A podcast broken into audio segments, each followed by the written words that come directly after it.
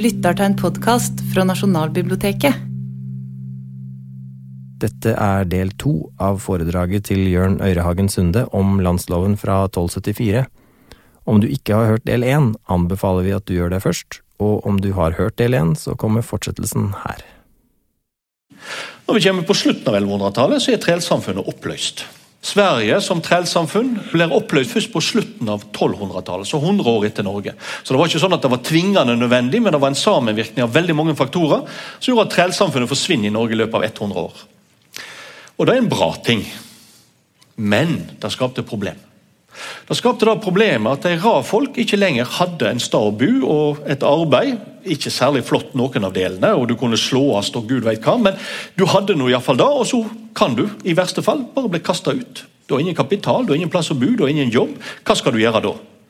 Og du er ute på et arbeidsmarked der det er altfor mange av din type som er på utkikk etter jobb. Det er ikke arbeidstaker sitt marked, for å si det sånn. Det var med litt moderne termer. Noen har selvsagt hatt en helt annen holdning og tatt vare på sine treler. Noen har gjort dem til sine husmenn og dermed gitt dem jord og dyrkningsmuligheter osv. Andre har bare kasta dem på dør. Og Vi finner en god del lovgivning i den eldre Gulatingsloven og i Frostatingsloven som kan tyde på at du får et problem med mattjuveri på dette tidspunktet. Så lenge du har et trælsamfunn og et ettersamfunn, så skal ikke mattjuveri være et problem, fordi arbeidsgiver tar vare på sine treler, i ett tar du vare på dine. Men når trellsamfunnet blir oppløst, så får du omstreifere som spesielt vinterstid, når det er lite løsarbeid å få, stjeler sannsynligvis mat for å overleve. Da får vi strenge straffer for å stjele løk, for å stjele melk fra kyr som går på beite, for å stjele eple fra eplehager osv. Dette kommer sannsynligvis på 1100-tallet. Og Det er folk som svelter, og du har utrolig strenge straffer. For eksempel, hvis du stjeler eple, så skal du til Frostatingsloven. Hvis du blir tatt, stilles opp, så skal de ta av deg alle klærne dine, og så skal de torve deg. Altså, Dere har hørt om steining. Torving er akkurat det samme, bare at du kaster torv i stedet for stein.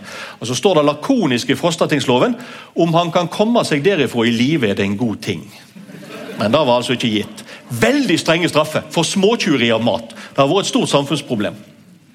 Så Det er det ene som føler av dette. Og Du har ikke noe omsorgsplikt for dine frigjevne treler.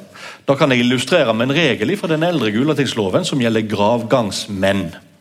Noen forskere har prøvd å bortforklare denne regelen som en form for barsk humor. eller noe slikt. Det er det ingen grunn til. Gravgangsmenn er en egen skatteklasse.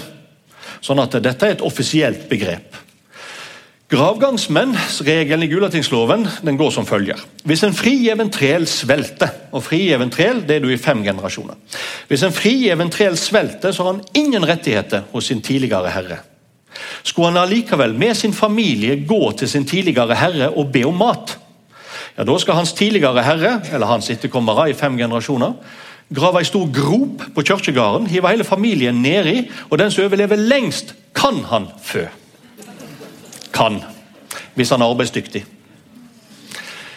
Det er en regel som om han har vært praktisert, aner jeg ikke, men den er i fall et veldig sterkt signal om at det ikke fins noe omsorgsplikt. Det er det som er poenget med regelen. Du har et fattigdomsproblem. Det må løses. Men du har et annet problem òg, som ikke bare gjelder trelandet, men som gjelder adelig-samfunnet. og Det er da at ettersamfunnet går i oppløsning. Ettersamfunnet da er et samfunn der storfamilien tar vare på sine egne. Hvis noen du er i slekt med svelter, så er det ett av sine oppgaver å hjelpe vedkommende. Blir gården din tatt av et skred, ja, så er det ett av de som kommer, rydder jordene dine, bygger opp huset, gir deg såkorn, gir deg ny buskap, så du kommer deg på fote igjen. Alt dette det vi vil ha kalt for velferdsstat og forsikring, da er ett av sitt ansvar. Når ettersamfunnet går i oppløsning på 1100-tallet, så forsvinner alle disse omsorgsstrukturene bort. Og de må erstattes på en eller annen måte. Og Vi vet at dette samfunnet forsvinner, fordi i lovene så ser vi fra begynnelsen av 1200-tallet at en begynner å minne folk på hvem de er i ett med. Det har alle visst tidligere, men nå vet de det ikke lenger. Og I ett av de var alle til og med ute i sjette ledd. Så deres sjettmenninger ville vært deres nære familie som skulle hjelpe dere hvis dere kom i et uføre.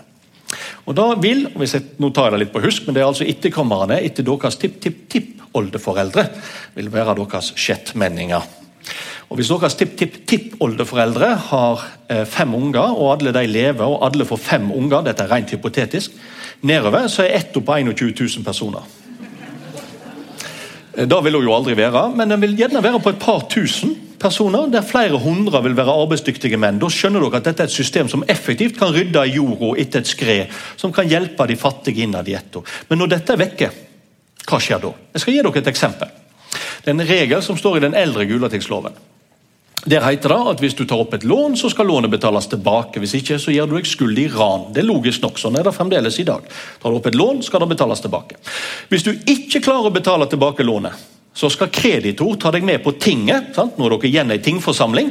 og Så skal han lyse gjelda på tinget, og så skal etto enten betale gjelda. Eller så blir du en gjeldsslave. Og Da kan du drives til arbeid med slag både oventil og nedentil.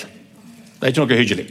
Men hvis du er så dørgende lat eller sta, eller av en eller annen grunn du ikke vil jobbe likevel, da skal kreditor ta deg med tilbake på tinget, lyse gjelda di for ett år. Hvis de ikke betaler ja, da står det lakonisk i Gulatingsloven da kan kreditor hogge av hva lem han vil, inkludert hodet. Og Det er jo selvsagt veldig motiverende for å få folk til å jobbe. Det høres ut som en fryktelig brutal regel på dere. Men hvis dette er et ettersamfunn, så er ikke regelen så brutal. For hvis noen ikke kan betale gjelda si, så blir altså gjelda lys på tinget, og Etto kan betale den gjelda. Og Hvis Etto består av flere hundre arbeidsføre menn, så klarer de det. Men så Da, da er det rett etter så foretar jeg rimelighetsvurdering. De sier dette er jo en, en, flink familiefar. Han har jo alltid gjort rett for seg, men nå var han uheldig. Det er en skred som har tatt garden hans, eller et skip som har, han hadde fullt av varer som er gått ned. Men nå skal vi hjelpe han å betale gjeld, nå skal vi rydde garden hans og, og ruste han opp igjen. Så klarer han dette fint. Det er en vurdering de kan gjøre. Eller de kan si Oi, så er det på'n igjen. Han gjør jo ikke annet enn å drikke, drive med hor og gambling. La han være gjeldsslave et par år, så ser vi om han lærer. Skjønner dere? Det er ett som foretar den vurderinga. Hvis du ikke har ei ett, står du og lyser gjelda for ei forsamling som ikke bryr seg katten. Da blir du gjeldsslave. Når ettersamfunnet feller vekk, så feller veldig mye av logikken i disse gamle lovbøkene bort, fordi strukturene i samfunnet blir så radikalt forandra. Men det betyr jo òg at hvis du feller i fattigdom, så er det ingen som løfter deg opp. Da øker fattigdomsproblemet. Dette er det som gjør at vi får lovgivning i Norge, tror jeg. I andre land har det som sagt vært helt andre ting som har motivert at en har ønsket i fall å gi en lovbok, eller faktisk gjort det, sånn som på Sicilia og i Castilla. Mens hos oss er det disse faktorene som driver fram behovet for lovgivning. Men så er det veldig viktig at da at du har kunnskap om lovgivning, da at du har et samfunnsbehov som tilsier at du skal få lovgivning, betyr slett ikke at du får lovgivning. For du må ha en annen faktor på plass. Og Det er rett og slett de rette aktørene, ikke minst de rette personene. Det første dere kanskje tenker på er jo at ja, da må vi ha folk som kan juss. Men det hadde vi i Norge. Som sagt, Vi hadde folk som kunne romersk rett allerede om lag midt på 1100-tallet. Iallfall 1160-tallet. Noen tenker at Hvis vi ser på en globus, så altså ligger Norge veldig langt vekk fra alle lærdomssentrum. Men det, det gjorde vi ikke. Vi reiste, vi, vi handla jo. Og vi hadde varer som en trengte i lærdomssenteret, så vi reiste der til. Vi fikk kunnskap. Og, og, sendte, og, De som handla, sendte kanskje sønnene sine til disse lærdomssentrene. Dette står det faktisk om i første bok i den Kongsbeien som jeg har snakket om. Og Der tror jeg altså første og andre bok er ganske gamle, tredje bok er ganske ny. Og Det som står i første bok, er ganske enkelt. Det er en handelsmann som sier til sønnen sin hvis du skal reise ut og handle i verden, så studer så du veit å gjøre gjeldende dine rettigheter og kan forsvare dine ting. Da står det eksplisitt, og det tror jeg de gjorde. Så Et av de store lærdomssentrene i Europa midt på 1100-tallet det er St. Victor-klosteret, som den gangen lå utenfor Paris. Nå ligger det inne i Paris, for Paris har ekspandert så voldsomt. Den gangen lå det utenfor Paris. St. Victor-klosteret var et stort lærdomssenter i Europa før du fikk universiteter som begynner å vokse fram midt på 1100-tallet, men fremdeles ikke kan konkurrere med disse klosterskolene. St. Victor-klosteret er for meg interessant. For det første fordi alle norske erkebisper før 1220 hadde studert der. Alle. De er ikke så mange, da, de er fire, men alle hadde iallfall studert der. Det er det ene, men det er mye mer interessant enn som så. Og det er fordi på eh, ca. 1160-tallet så skriver kona til lendmannen altså den, ja, Vi ville ha kalt den fylkesmann, da, men altså lendmannen, han som styrer Vestfold, hun skriver til abbeden i St. Viktor-klosteret fordi det er hennes bror. Og Hun skriver jeg vet det kommer mange nordmenn til deg og sier at de kjenner meg og mannen min og derfor vil ha gratis kost og losji, men ikke tro på dem, de bare bløffer. Det var altså så mange som reiste og hevda å ha krav på kost og losji, for de var venner av denne kvinnen i Vestfold, at det var et problem, og at hun tok det opp og skrev om det. Det sier noe om den strømmen som også var fra Norge til ulike lærdomssenter. Selv om vi mangler her god statistikk, fordi vi har altfor lite dokumentasjon på de nordmenn som var ved klosterskoler eller ved universitetet og studerte. og Spesielt universitetet i Bologna har vi ikke gode lister før 1290-tallet. Men allikevel så våger jeg påstanden det burde være nok folk, nok lærde jurister i Norge til å lage en landslov. Og De som vi tror var med, er fire personer. Den første er Håkon biskopsson. Det skulle han jo egentlig ikke ha vært, men det hendte jo jevnt og trutt.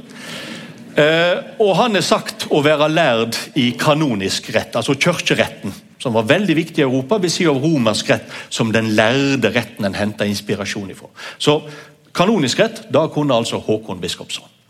Så har vi Audun Hugleiksson. Han er en verdslig magnat. Eh, satt opp i Sunnfjord egentlig, med sitt jordgods der. Han er sagt i islandske kjelder å være den lærdeste i en eh, heimlig rett. altså den Gulatingsloven, Frostatingsloven osv. Så, videre. så den hadde han kontroll på. Så tror vi at Askatin var med, biskop Askatin. Askatin var tidligere sendemann for Håkon 4., altså Håkon den gamle. Eh, ble så biskop i Bergen under Magnus Lagerbøter og var engelsk opprinnelig. Og Vi ser en god del innslag av engelsk prosessrett, altså hvordan du skulle kunne føre rettssaker, i landsloven. Så Noen som har lagd landsloven, har kun engelsk rett. Eh, biskop Askatin er den jeg tror det må ha vært, og det andre med meg tror det må ha vært. Så har vi fjerdemann som vi ikke vet kunne noe juss i det hele tatt. Det er Lodin Lepp, som jeg alt har nevnt. Eh, det er mye mulig han kunne, for det er sagt at han har studert, men han var iallfall en politiker og da Å lage en lov er ikke bare et juridisk håndverk, det er et politisk håndverk. Han tror jeg også var med i den kvartetten som lagde landsloven. Og Du trenger ikke stort mer enn disse fire kunnige personene. Ser vi rundt om i Europa, så var det omtrent da en konge hadde av folk som han søkte juridiske råd ifra. Så det er stort nok. Da hadde vi, Men det som jeg er opptatt av nå, det er at du måtte ha én aktør. Den prinsipale aktøren, hovedaktøren. Du måtte ha en konge som hadde forstand og motivasjon til å lage en lovbok. Det har vi altfor lenge oversett. det at Hvis vi ser på hvem er det som lager de tre første riksdekkende lovbøkene i Europa, jo det er altså Fredrik 2., Alfonso 10. og Magnus Lagerbøter. Og hvem er disse andre folka? Fredrik 2. er kjent for å utvikle på mange måter eh, mellomalderens forståelse av statsstyrelse. Han henter nettopp inspirasjon i dette møtet mellom islamsk, jødisk og kristen kultur og henta mye ideer annet fra islamsk statsstyrelse som han brukte for å bygge opp sitt statsapparat på Sicilia og i det tysk-romerske riket. Han er en av de største statsmennene han på 1200-tallet. Alfonso den 10. Han ble altså kalt for den vise. Det var hans bane. Altså Han lagde Lasietes Partidas, som er det beste lovverket Europa så før 1794. Det er mye bedre enn landsloven. Det er helt perfekt, så perfekt at det til og med etter 1794 ble brukt i ulike deler av verden, f.eks. i USA. Så når texanerne skulle lage sitt lovverk på begynnelsen av 1820-tallet, så er det Lasietes Partidas som de bl.a. bruker som inspirasjonskilde. Det er et fantastisk lovverk. Og Det er fordi kongen var så lærd. Han var ikke bare lærd i juss, han var lærd i filosofi. Han lagde dikt og poesi. Eh, han var en stor intellektuell kapasitet, akkurat som Fredrik 2 men dog kanskje på et nivå høyere. Hvem vet? Og Han lager så perfekt lovverk at det er ingen som klarer å bruke det. Det er ferdig i 1265 og blir kalt tilbake i 1273. Det er rett og slett for perfekt til at det er anvendelig i det hele tatt. Eh, men han er altså en stor intellektuell. Og Så kommer Magnus. Og Hva heter det om han i norsk historiografi? En, mine, en favoritt jeg har, det er en, en eh, historiker som for en del tiår siden skrev om Magnus basert på en byste. Vi har kun én billedliggjøring av Magnus Lagerbøter, og den henger inne i koret i Stavanger domkirke. Og Da skrev denne professoren i historie at vi kan se på de fine ansiktstrekk, og at vi har her med å gjøre en veik person. Så mye for skjønnhet. Og så legger han til og Da ser vi jo òg av at han er den eneste norske konge i mellomalderen som ikke fører krig. Så nå vet dere da, Fører dere ikke nok konflikter med naboen, så er dere ikke å regne som noe dugende. Jeg er ikke enig i den beskrivelsen. Nå kunne en jo tro jeg karikerte, men det gjør jeg altså ikke. Er, slik ble han beskrevet av en historiker. Og Han har aldri blitt løfta fram som en av de store kongene. Men hvordan i all verden kan vi ha en pusling som konge som lager en landslov, når alle de andre, de to andre som lagde en landslov, var store personligheter og intellektuelle? Vel, La oss se på hvem var Magnus. Han er altså den eneste mellomalderkongen i Norge som ikke fører krig. Det gjorde jo at han hadde mye ressurser til rådighet til å lage en lov i stedet for å føre krig. Det er det første vi skal merke oss. Men hva er hans bakgrunn? Hans bakgrunn er at han var aldri meint å bli konge. Da var det bror hans som var, som jeg allerede har nevnt, Håkon Ung. Han var to år eldre. Magnus er født i 1238, Håkon Ung var født i 1236. Bare fire år gammel så blir Håkon, eller, ja, nå tar jeg det på husk, i 1240 så ble Håkon Ung krona til medkonge med far sin. Håkon den fjerde, Håkon den gamle. Da blir han, fordi Håkon den eh, gamle han vil ikke at det skal bli noe stridighet om hvem er konge hvis han plutselig skulle dø. Da har han jo allerede en konge, hans medkonge, sønn Håkon Ung. Og De to styrer i lag, og Håkon Ung er ofte nevnt i Håkon Håkonssons saga. Som en aktør som driver med politikk, slik en medkonge skulle gjøre. Hva med Magnus? Magnus er knapt nevnt. Og Det er jo sannsynligvis fordi han var aldri meint å bli en aktør i det politiske livet. Han var yngste sønn. Og Håkon ville ikke ha noe rivalisering mellom de to sønnene. Han ble oppfordra til å krone Magnus til medkonge, han òg. Det skjer altså av Einar Smørbakk, som den gangen var erkebiskop i Norge, som sier til Håkon har ikke Magnus samme rett som broren Håkon til å bli krona til konge? Nei, sier Håkon. Ah, dette skal jeg tenke på. Og Det, det var bare en måte å utsette det på, altså, uten å ta i avgjørelse. For dette hadde han ikke lyst til. Dette har òg vært symbolsk viktig, fordi Einar Smørbakk var sønn til Gunnar Grotbakk. Jeg er sikker på at dere føler meg nå. Men da var han altså. Han var sønnen til Gunnar Grotbakk, som er en av de som er helt essensielle for at, at Sverre, bestefar til Håkon, skal vinne kongetrona. Så når Einar Smørbakk er en politisk aktør, så er det ikke bare i kraft av å være erkebiskop, men sønn av en av de som løfta, var med å løfte fram Sverre, og som var med å ta Håkon sjøl som konge på Øyratinget tilbake i 1217. Så den der Slektskapen mellom Einar Smørbakk og Gunnar Grotbakk den er veldig viktig. Så dette har vært symbolsk tungt. Han har fått et, altså, hun blir direkte bedt om å krone Magnus, men han vil ikke gjøre det. Jeg tror det er fordi Han vil ikke ha to rivaliserende konger, han vil ha én, og det er den eldste sønnen. Og Derfor er ikke Magnus en aktør i Håkon Håkonssons saga, fordi han var jo ikke politisk aktiv. Han er en referanse. Fire ganger blir han referert til. Han var med mor si en gang, og så var han med på et skip i lag med Gaute Mehl, som seiler nordover til Romsdalen. og Så oppstår det en brann på skipet, og, og Magnus skal være snarrådig og være med og sløkt brann. Det er eneste gangen han er handlende i det hele tatt. Faktisk. Fram til broren dør. For når broren Håkon Ung dør, så er det Magnus som blir krona til medkonge. Da opptrer han i Håkon Håkonssons saga. Så hvor var han? Jeg tror, jeg, Dette er noe jeg tror, det er en hypotese. Jeg tror at Håkon tenkte at jeg har én sønn som skal bli konge. Så jeg har én sønn som ikke skal bli konge, men kanskje han kan reise, eller bli viktig i det kirkelige hierarkiet i stedet for. Fordi Magnus får iallfall undervisning hos fransiskanerne i Bergen. Det er òg oppsiktsvekkende, egentlig ganske uforklarlig. Fordi, hvis dere tenker dere nå, Håkon Håkonsson han sitter ute på Holmen i Bergen. det er der Håkonshallen ligger i dag, ved innseilingen til byen. Der ligger den store katedralen, Kristkirka. Enormt stor, flott katedral med St. Sunniva-relikviene. Der er bispeborga, det er der biskop Askatin senere skal, skal sitte. Dette er Norges sentrum. Der har han òg et kloster. Dominikanerne. Dominikanerne ofte har sine kloster nær kongemakta fordi de ofte er involvert i den kongelige administrasjonen. Hvis jeg var konge og hadde en sønn som jeg ville skulle gjøre det godt i det kirkelige hierarkiet, hvorfor ikke plassere han hos dominikanerne, som nettopp er en del av det kirkelige hierarkiet, men samtidig gjør tjeneste for kongen? F.eks. som sendemenn, altså ambassadører. Men det gjør han ikke.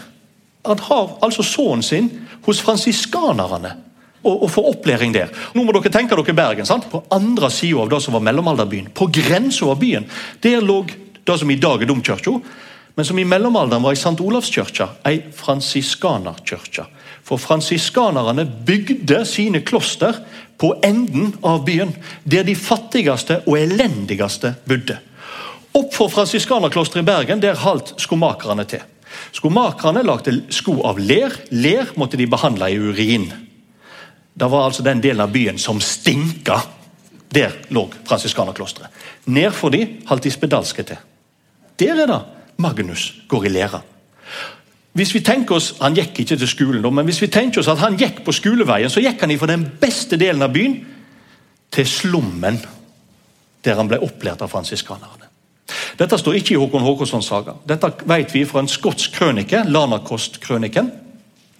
Og det er nok dette er en hypotese, men vi tror at historien er blitt fortalt i Skottland av nettopp en av de som var i kloster med Magnus. Som Magnus sjøl brukte som ambassadør til Skottland i 1264. Eh, da en forhandla fram freden i Perth.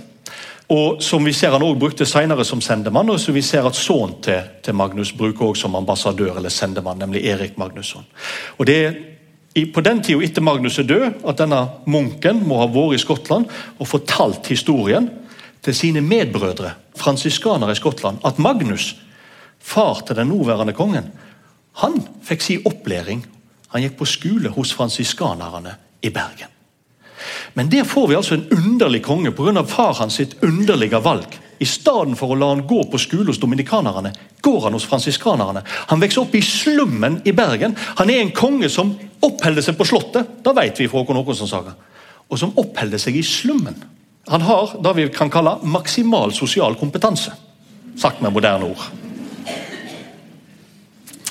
Den personen er det som blir konge i 1263. Enekonge. Da dør far hans på Orkenøyene i Kirkwall på, eh, i desember. Etter det så blir Magnus enekonge i Norge. Han arver altså et rike som har et fattigdomsproblem som de har prøvd å bøte på. Far hans, Håkon 4., er en stor lovgiver. Og Han ville ha vært den store lovgiveren i Norge hvis det ikke var for at sønnen hans overgikk han og lagde en landslov. Så Håkon har virkelig prøvd å bøte på de samfunnsmessige utfordringene. En har ikke lykkes. Nå er det Magnus som skal gjøre det. Han har et akutt fattigdomsproblem, og han har erfaring med fattigdom. Han er opplært av fransiskanerne. Det betyr ikke at han bare har sitt fattigdom, men fransiskanerne har utvikla en masse nye juridiske konsept både for omsorgsplikt, for eiendom osv. De er ikke bare disse barfotbrødrene, gråbrødrene, som hjelper de fattige, de er òg viktige intellektuelle og har fora Europa med nye intellektuelle ideer og om samfunnsstyring. Dette har han fått tilgang på. Vi veit ingenting om Magnus Lagerbøters intellekt, men han bør ha i fall hatt et visst omløp fordi han lager en så smart lov. Og Da passer godt med de to andre som lagde riksdekkende lovbøker før han, Fredrik 2. og Alfonso 10., som også var store intellektuelle. Så Magnus blir den rette kongen på det rette tidspunktet. Da er det nok sannsynligvis ikke han alene som begynner lovgivningsprosessen, fordi han regner far sin som medlovgiver, altså Håkon 4. Så mest sannsynlig har ambisjonen om å lage en landslov begynt ganske rett etter at disse hoffolka kom tilbake fra Castilla høsten 1258. Da er fremdeles Håkon 4. i live. Han dør altså først i 1263. Så jeg tror at lovarbeidet begynt ganske med en gang. Og så er det Magnus som tar over og driver det fram, og det er han som gir landsloven i 1274. Og Da får vi altså en lov, for da har vi et behov, vi har en idé, og vi har en konge med den rette personligheten og en veldig spesiell bakgrunn, som gjør at han er motivert for å lage denne loven, ikke minst for å løse fattigdomsproblemet som vi har i samfunnet. Men og dette er veldig viktig, det hjelper ikke å ha en idé om lovgivning, og ha en ambisjon og ha et behov osv. Og, og den rette personen. Lovgivning er òg et spørsmål om ren teknikk. Å lage en lov er som å bygge en katedral. Det hjelper ikke å ha en visjon om katedralen. Den skal bygges, strukturene skal være bærende. De skal vare over tid. Og Ikke minst så skal strukturene tåle motkreftene. Tenk dere nå igjen tak i Pantheon. Tak i Pantheon er en kvelving som tåler tyngdekrafta. Sånn må ei lov òg være. Den må tåle motkreftene som alltid vil være der mot ei lov. Da må du ha en teknikk. En teknikk som gjør at du kan komponere en hel landslov. Dette høres litt pussig ut, for dere har aldri tenkt over at en lov er en ren teknikk. Det er en bygningsteknikk som gjør at den går i hop. Hva er det du trenger for å lage en lov? Magnus Lagerbøters landslov består av ca. 220 kapittel. Hvert kapittel pleier jeg å si, er i gjennomsnitt delt opp i fem regler. Det betyr at ganger vi 200 med fem, så får vi 1000. Altså, Landsloven består av ca. 1000 paragrafer, ville vi ha kalt det i dag. Da er ganske mye, selv for lovgivere i dag. Fordi da skal du få en regel ganske tidlig i lovboka. Da stemmer overens med en regel seint i lovboka. Fordi Hvis ikke lovreglene alle drar mot samme målet, så blir ikke ei lovbok et politisk instrument. Fordi du får ikke reglene til å fremme den samme politikken. For meg, gang du har en regel som fremmer politikken på ett felt, men så har du en motstridende regel på et annet, ja, så feller hele ambisjonen i fisk. Det betyr at når du lager ei lov, så må du, som en katedral i mellomalderen, ha bærende søyler som bærer oppe taket. De har fremdeles ikke funnet ut hvordan de skal bygge denne kvelvingen, så de bygger søyler. Hva er de søylene? Den første søyla er civitatis, eller civitatis fundaretur legebos. Altså, landet skal bygges på lov, eller med lov skal land bygges. Det har dere hørt mange ganger. Det står nemlig i Frostatingsloven. Det står ikke i landsloven, men det er samtidig da prinsippet hele lovboka bygger på. Og du finner det indirekte uttalt gjennom hele lovboka. Eh, prinsippet Jeg sa det først på latin. Det er altså ikke opprinnelig norsk eller nordisk i det hele tatt. Eh, vi finner det i ei bok som heter 'Institusjones', altså den minste korte boka om romersk rett som de begynte å studere ca. 1150. Der står dette. Det som er morsomt og Da er det noen som en gang tenker å, 17, da var ikke det norsk. Det er jo så fint sant, med lov skal land bygges, og så er det romerne som har tenkt på det først. Da var det faktisk Cicero forresten sier også det samme. Men poenget er her at det som er interessant er at dette er tilgjengelig for alle leseinstitusjoner. Alle lærde leseinstitusjoner i mellomalderen. Dette er den korte, enkle boka å lese. Den handler rett og slett om hva er juss, og hvorfor trenger vi det. Så den blir lest. Men det morsomme er jo at det er bare i Norden de plukker ut av sitatet og bruker det aktivt.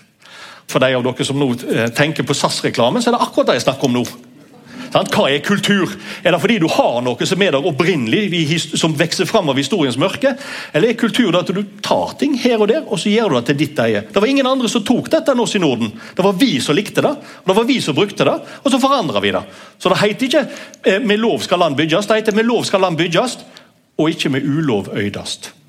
Typisk kultur. Du tar noe, det ligger noe i valget, og så tar du og omarbeider det, og så bruker du det. Og det, Kulturen er ikke opprinnelsen, men det er alle disse øvelsene som du gjør med dette materialet. Sånn er det òg med lov skal land bygges. ligger helt grunnleggende gjennom hele eh, landsloven. Vende tilbake til det. Det er helt grunnleggende. Og hvorfor er det viktig? Jo, det er viktig fordi hvis landet skal bygges med lov, så skal det ikke bygges med den sterkeste sin rett. Tenk nå på gravgangsmenn. Den tidligere herren skal grave et stort hull i kirkegården og hive alle nedi, og den som overlever lengst, skal han fø. Det er den sterkeste sin rett. Det er hans regel, dette. Det er de rikeste i samfunnet sin regel. Den forsvinner med landsloven. Fordi I landsloven så prøver du du lykkes aldri, men du prøver å utligne sosiale styrkeforhold. Fordi det er lov som bestemmer, ikke styrke i samfunnet. Så Dette er en helt grunnleggende regel for oss som er vant til å tenke på at lov skal gjelde, og at styrkeforhold ikke skal spille en rolle. Så er det ikke så viktig å tenke på. Men i mellomalderen var dette fryktelig viktig. Så Det er det ene. Det neste er et prinsipp om princeps eh, legibus solutes est. Suveren står over loven. Dette står ikke i romersk rett. Men du har to tekster i digesta, den store delen av romersk rett, og to korte tekster i kodeks, som når du putter disse sammen, så lagde de denne maksimen. Suveren står over loven. Da høres uhyggelig ut. Da betyr jo rett og slett at loven ikke gjelder for suveren. Men det var ikke sånn det var meint. Det var sånn det ble brukt på 1700-tallet. blant annet, For da rettferdiggjorde det norske eineveldet med at ja, men eineveldet ble jo allerede innført av de norske kongene i mellomalderen. Da ble det ikke. I landsloven står det at kongen står over loven. Men det var en filosofisk øvelse en måtte gjøre. Fordi Noen strevde med i mellomalderen var jo nettopp hvis kongen er bonden av loven, hvordan kan han gi en ny lov? Ja. Dette begynte de med å diskutere på 1180- og 90-tallet. og eh, Det som er løsninga, da, finner vi her. For hvordan ser kongen seg sjøl? Her ser vi kongen som gir loven. Magnus, kongen, som gjør en lovbok til en lagmann. Dette er henta fra Kodeks Hardenbergianus. Har dere vært og sett utstillinga, har dere sett nettopp denne illuminasjonen. En illuminasjon det er en tegning kan vi kalle det, som viser fram essensen i teksten. Og Det er dette som står i teksten på denne sida, at kongen har gitt en lovbok.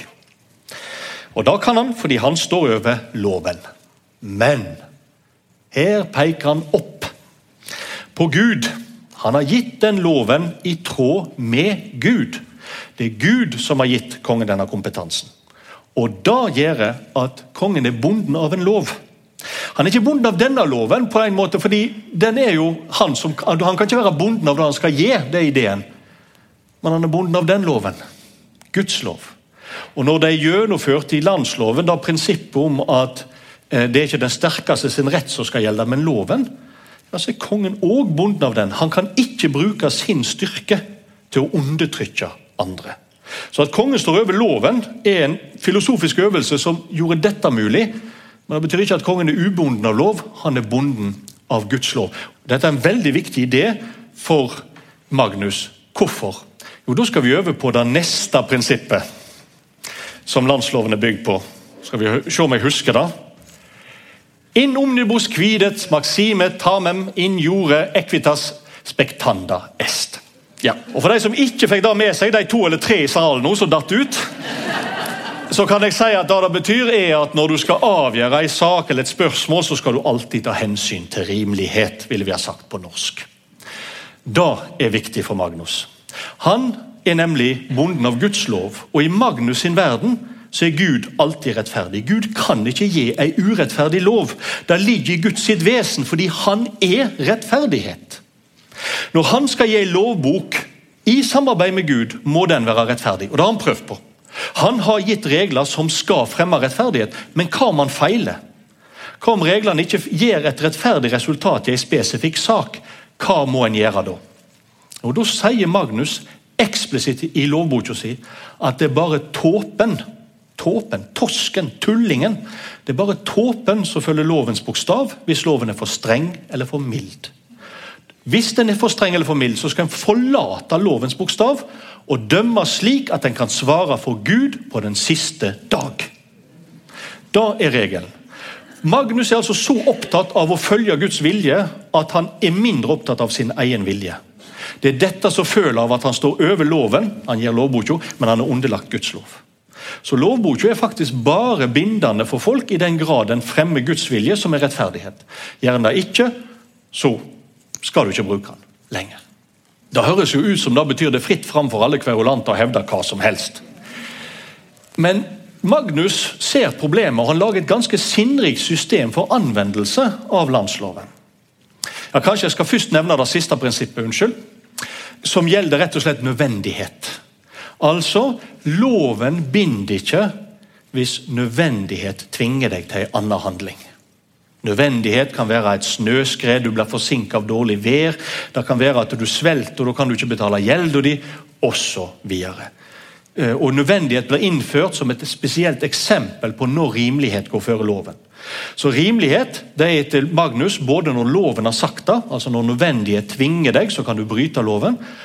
Men det er òg når loven ikke sier det. Men da må altså da må det skje i rettsanvendelsesprosessen at det blir bestemt at nå skal en forlate loven. Og Hvordan gjør en dette i praksis? Jo, Magnus har altså gitt ei lov, og den vil han skal bli fulgt i praksis. Han har 16 lagmenn i hele Norge som reiser ut med den loven og skal bruke den på det lokale tinget. Hvordan skal han sikre at den loven blir fulgt? Vel, Da gjør han på følgende måte. Lagmannens oppgave er å legge fram loven. Så Hvis det kommer en sak på tinget, så er det lagmannen som sier loven er å forstå på denne måten. Hvordan fungerer det i praksis? La meg gi dere et eksempel. Hvis dere i Oslo, f.eks. på Karl Johan, i kveld møter en veldig berusa person og tar lommeboka hans, er det et ran eller et tjuveri? Ja, Det kan ikke være så lett å vite. fordi Hva er tjuveri? Eller hva er et ran? Et ran er å ta noe åpenlyst. Så Hvis jeg møter noen på Karl Johan når jeg går ut herifra og tar lommeboka deres, så er det et ran. Et tjuveri er når noe skjer i skjul. Altså Der ligger noen og sever på en benk i Slottsparken, og så forsiktig så tar jeg lommeboka ut. Det er tjuveri. Ingen kan se meg, for det er oppe med Abel-statuen, f.eks. Der er det jo aldri folk. Veldig synd, forresten, for det er en veldig fin statue. Da er det tyveri. Men hvis jeg tar deg for en sterkt berusa person på Karl Johan, er det da tjuveri eller ran? Han er så berusa at han gjenkjenner meg ikke, men det er jo på en åpen plass. Så jeg kan bli gjenkjent av andre. Ja, Da ser dere, Nå trenger dere en lagmann òg, sant? til å avgjøre dette. Da er lagmannens oppgave. Det har skjedd en sånn hendelse. Da er det lagmannen som forteller tinget, om det er tjuveri eller ran. Er det ran, så får gjerningsmannen bot. Er det tjuveri, så risikerer han å bli hengt. Så dette er en viktig avgjørelse. Den, den er det lagmannen som tar. Men han bestemmer ikke om det er bevist at dette skjedde. Da er det tolv menn. Skal vi se, Jeg tror dere er ni, og da blir det dere tre. Ja, dere tolv dere er innenfor vedbånda, så da har vi satt opp en ring med band. og Da sitter dere og diskuterer. Ja, Har vi egentlig bevis nok til å dømme han for Tror dere det er tyveri eller ran? Det er tyveri. Det er tyveri. Så da sitter de tolv og diskuterer. Ja, har vi nok bevis for å dømme han for tyveri? Og så sier dere ja, det har vi. Og hva skjer da? Jo, Da sier dere da til meg dere sier at ja, vi har bevis nok for at han skal dømmes for tyveri. Og Da sier jeg til alle som sitter er til stede på tinget, altså alle dere.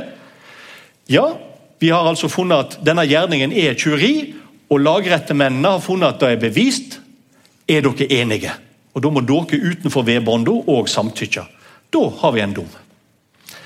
Ser dere hva som skjer? Hvis vi nå skal påvike loven, så må jeg foreslå det, og dere må være enige. Da er det ikke fritt fram for alle kverulanter.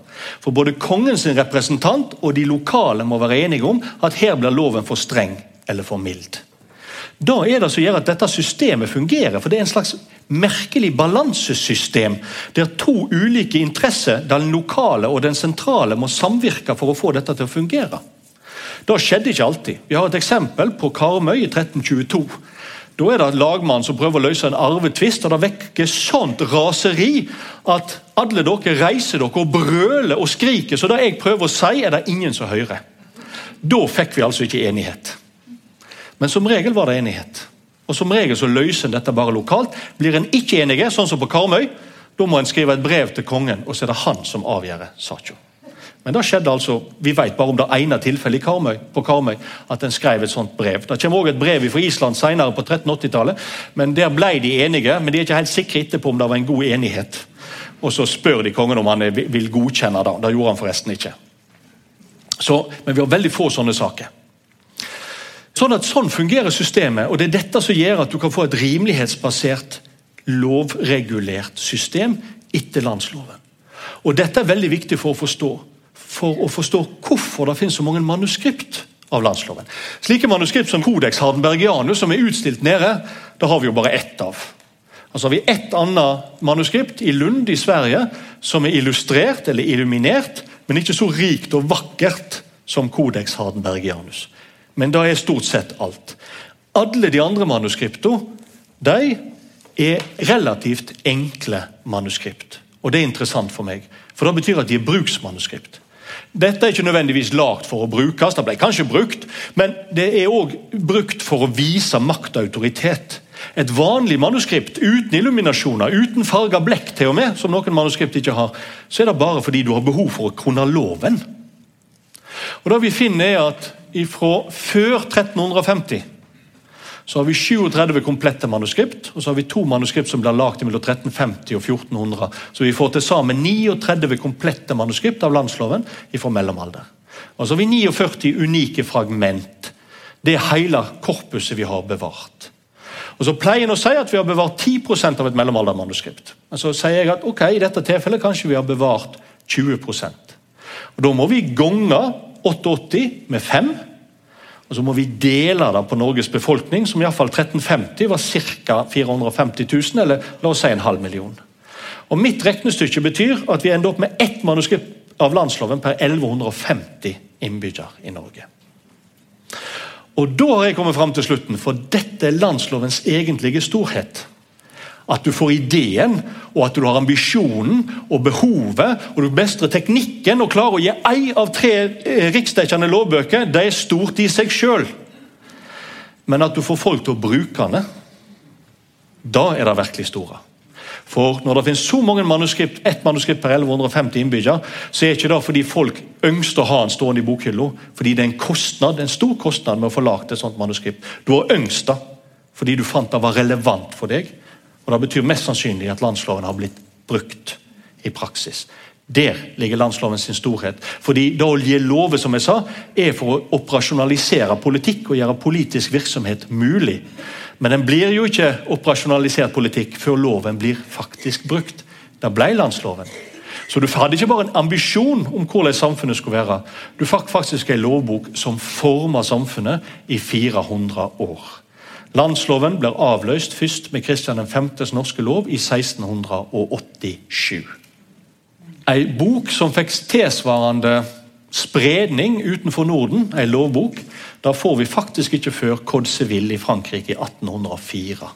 Den har stor kvalitet og den blir veldig populær og får en enorm spredning. Mye mer enn da landsloven noen gang kunne drømme om. Men det er først da Europa ser en lovbok med samme kvalitet, samme suksess som da landsloven hadde i 1274. Derfor er det jeg er så glad for å komme her. Jeg er en slags reisende emissær i den glade budskapen om landsloven. Tusen takk for meg.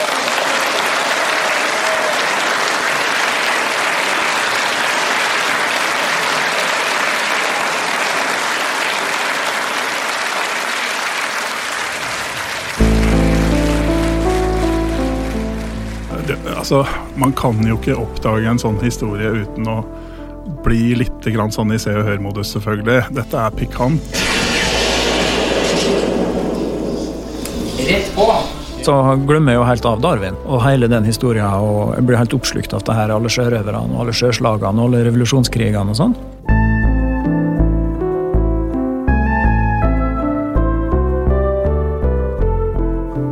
Samlingene til Nasjonalbiblioteket så finnes det spor etter et helt hav av dunkle drama og glemte liv fra Norges historie. I podkasten Gamle greier så skal jeg, Askild Matre Aasarød, fra det lille studioet midt i kjelleren under Nasjonalbiblioteket i Oslo, nøste opp de her mysteriene. Han har nok lie bakom i granen her en eller annen plass. Og skauta to av tyskerne. Og den tredje la på sprang inn i Jeg skal snakke med historikere og eksperter, Det er en voldsom kjærlighetshistorie, rett og slett. men også når det finnes folkene som faktisk var til stede under de her spektakulære, men ofte glemte hendelsene. Nei, nei det, det, det, her, det her er ikke Jeg prøver ikke å selge noe. Jeg, jeg, jeg har kommet over et hørespill, skjønner du. Um, Følg med i podkaststrømmen din, så kommer det mer.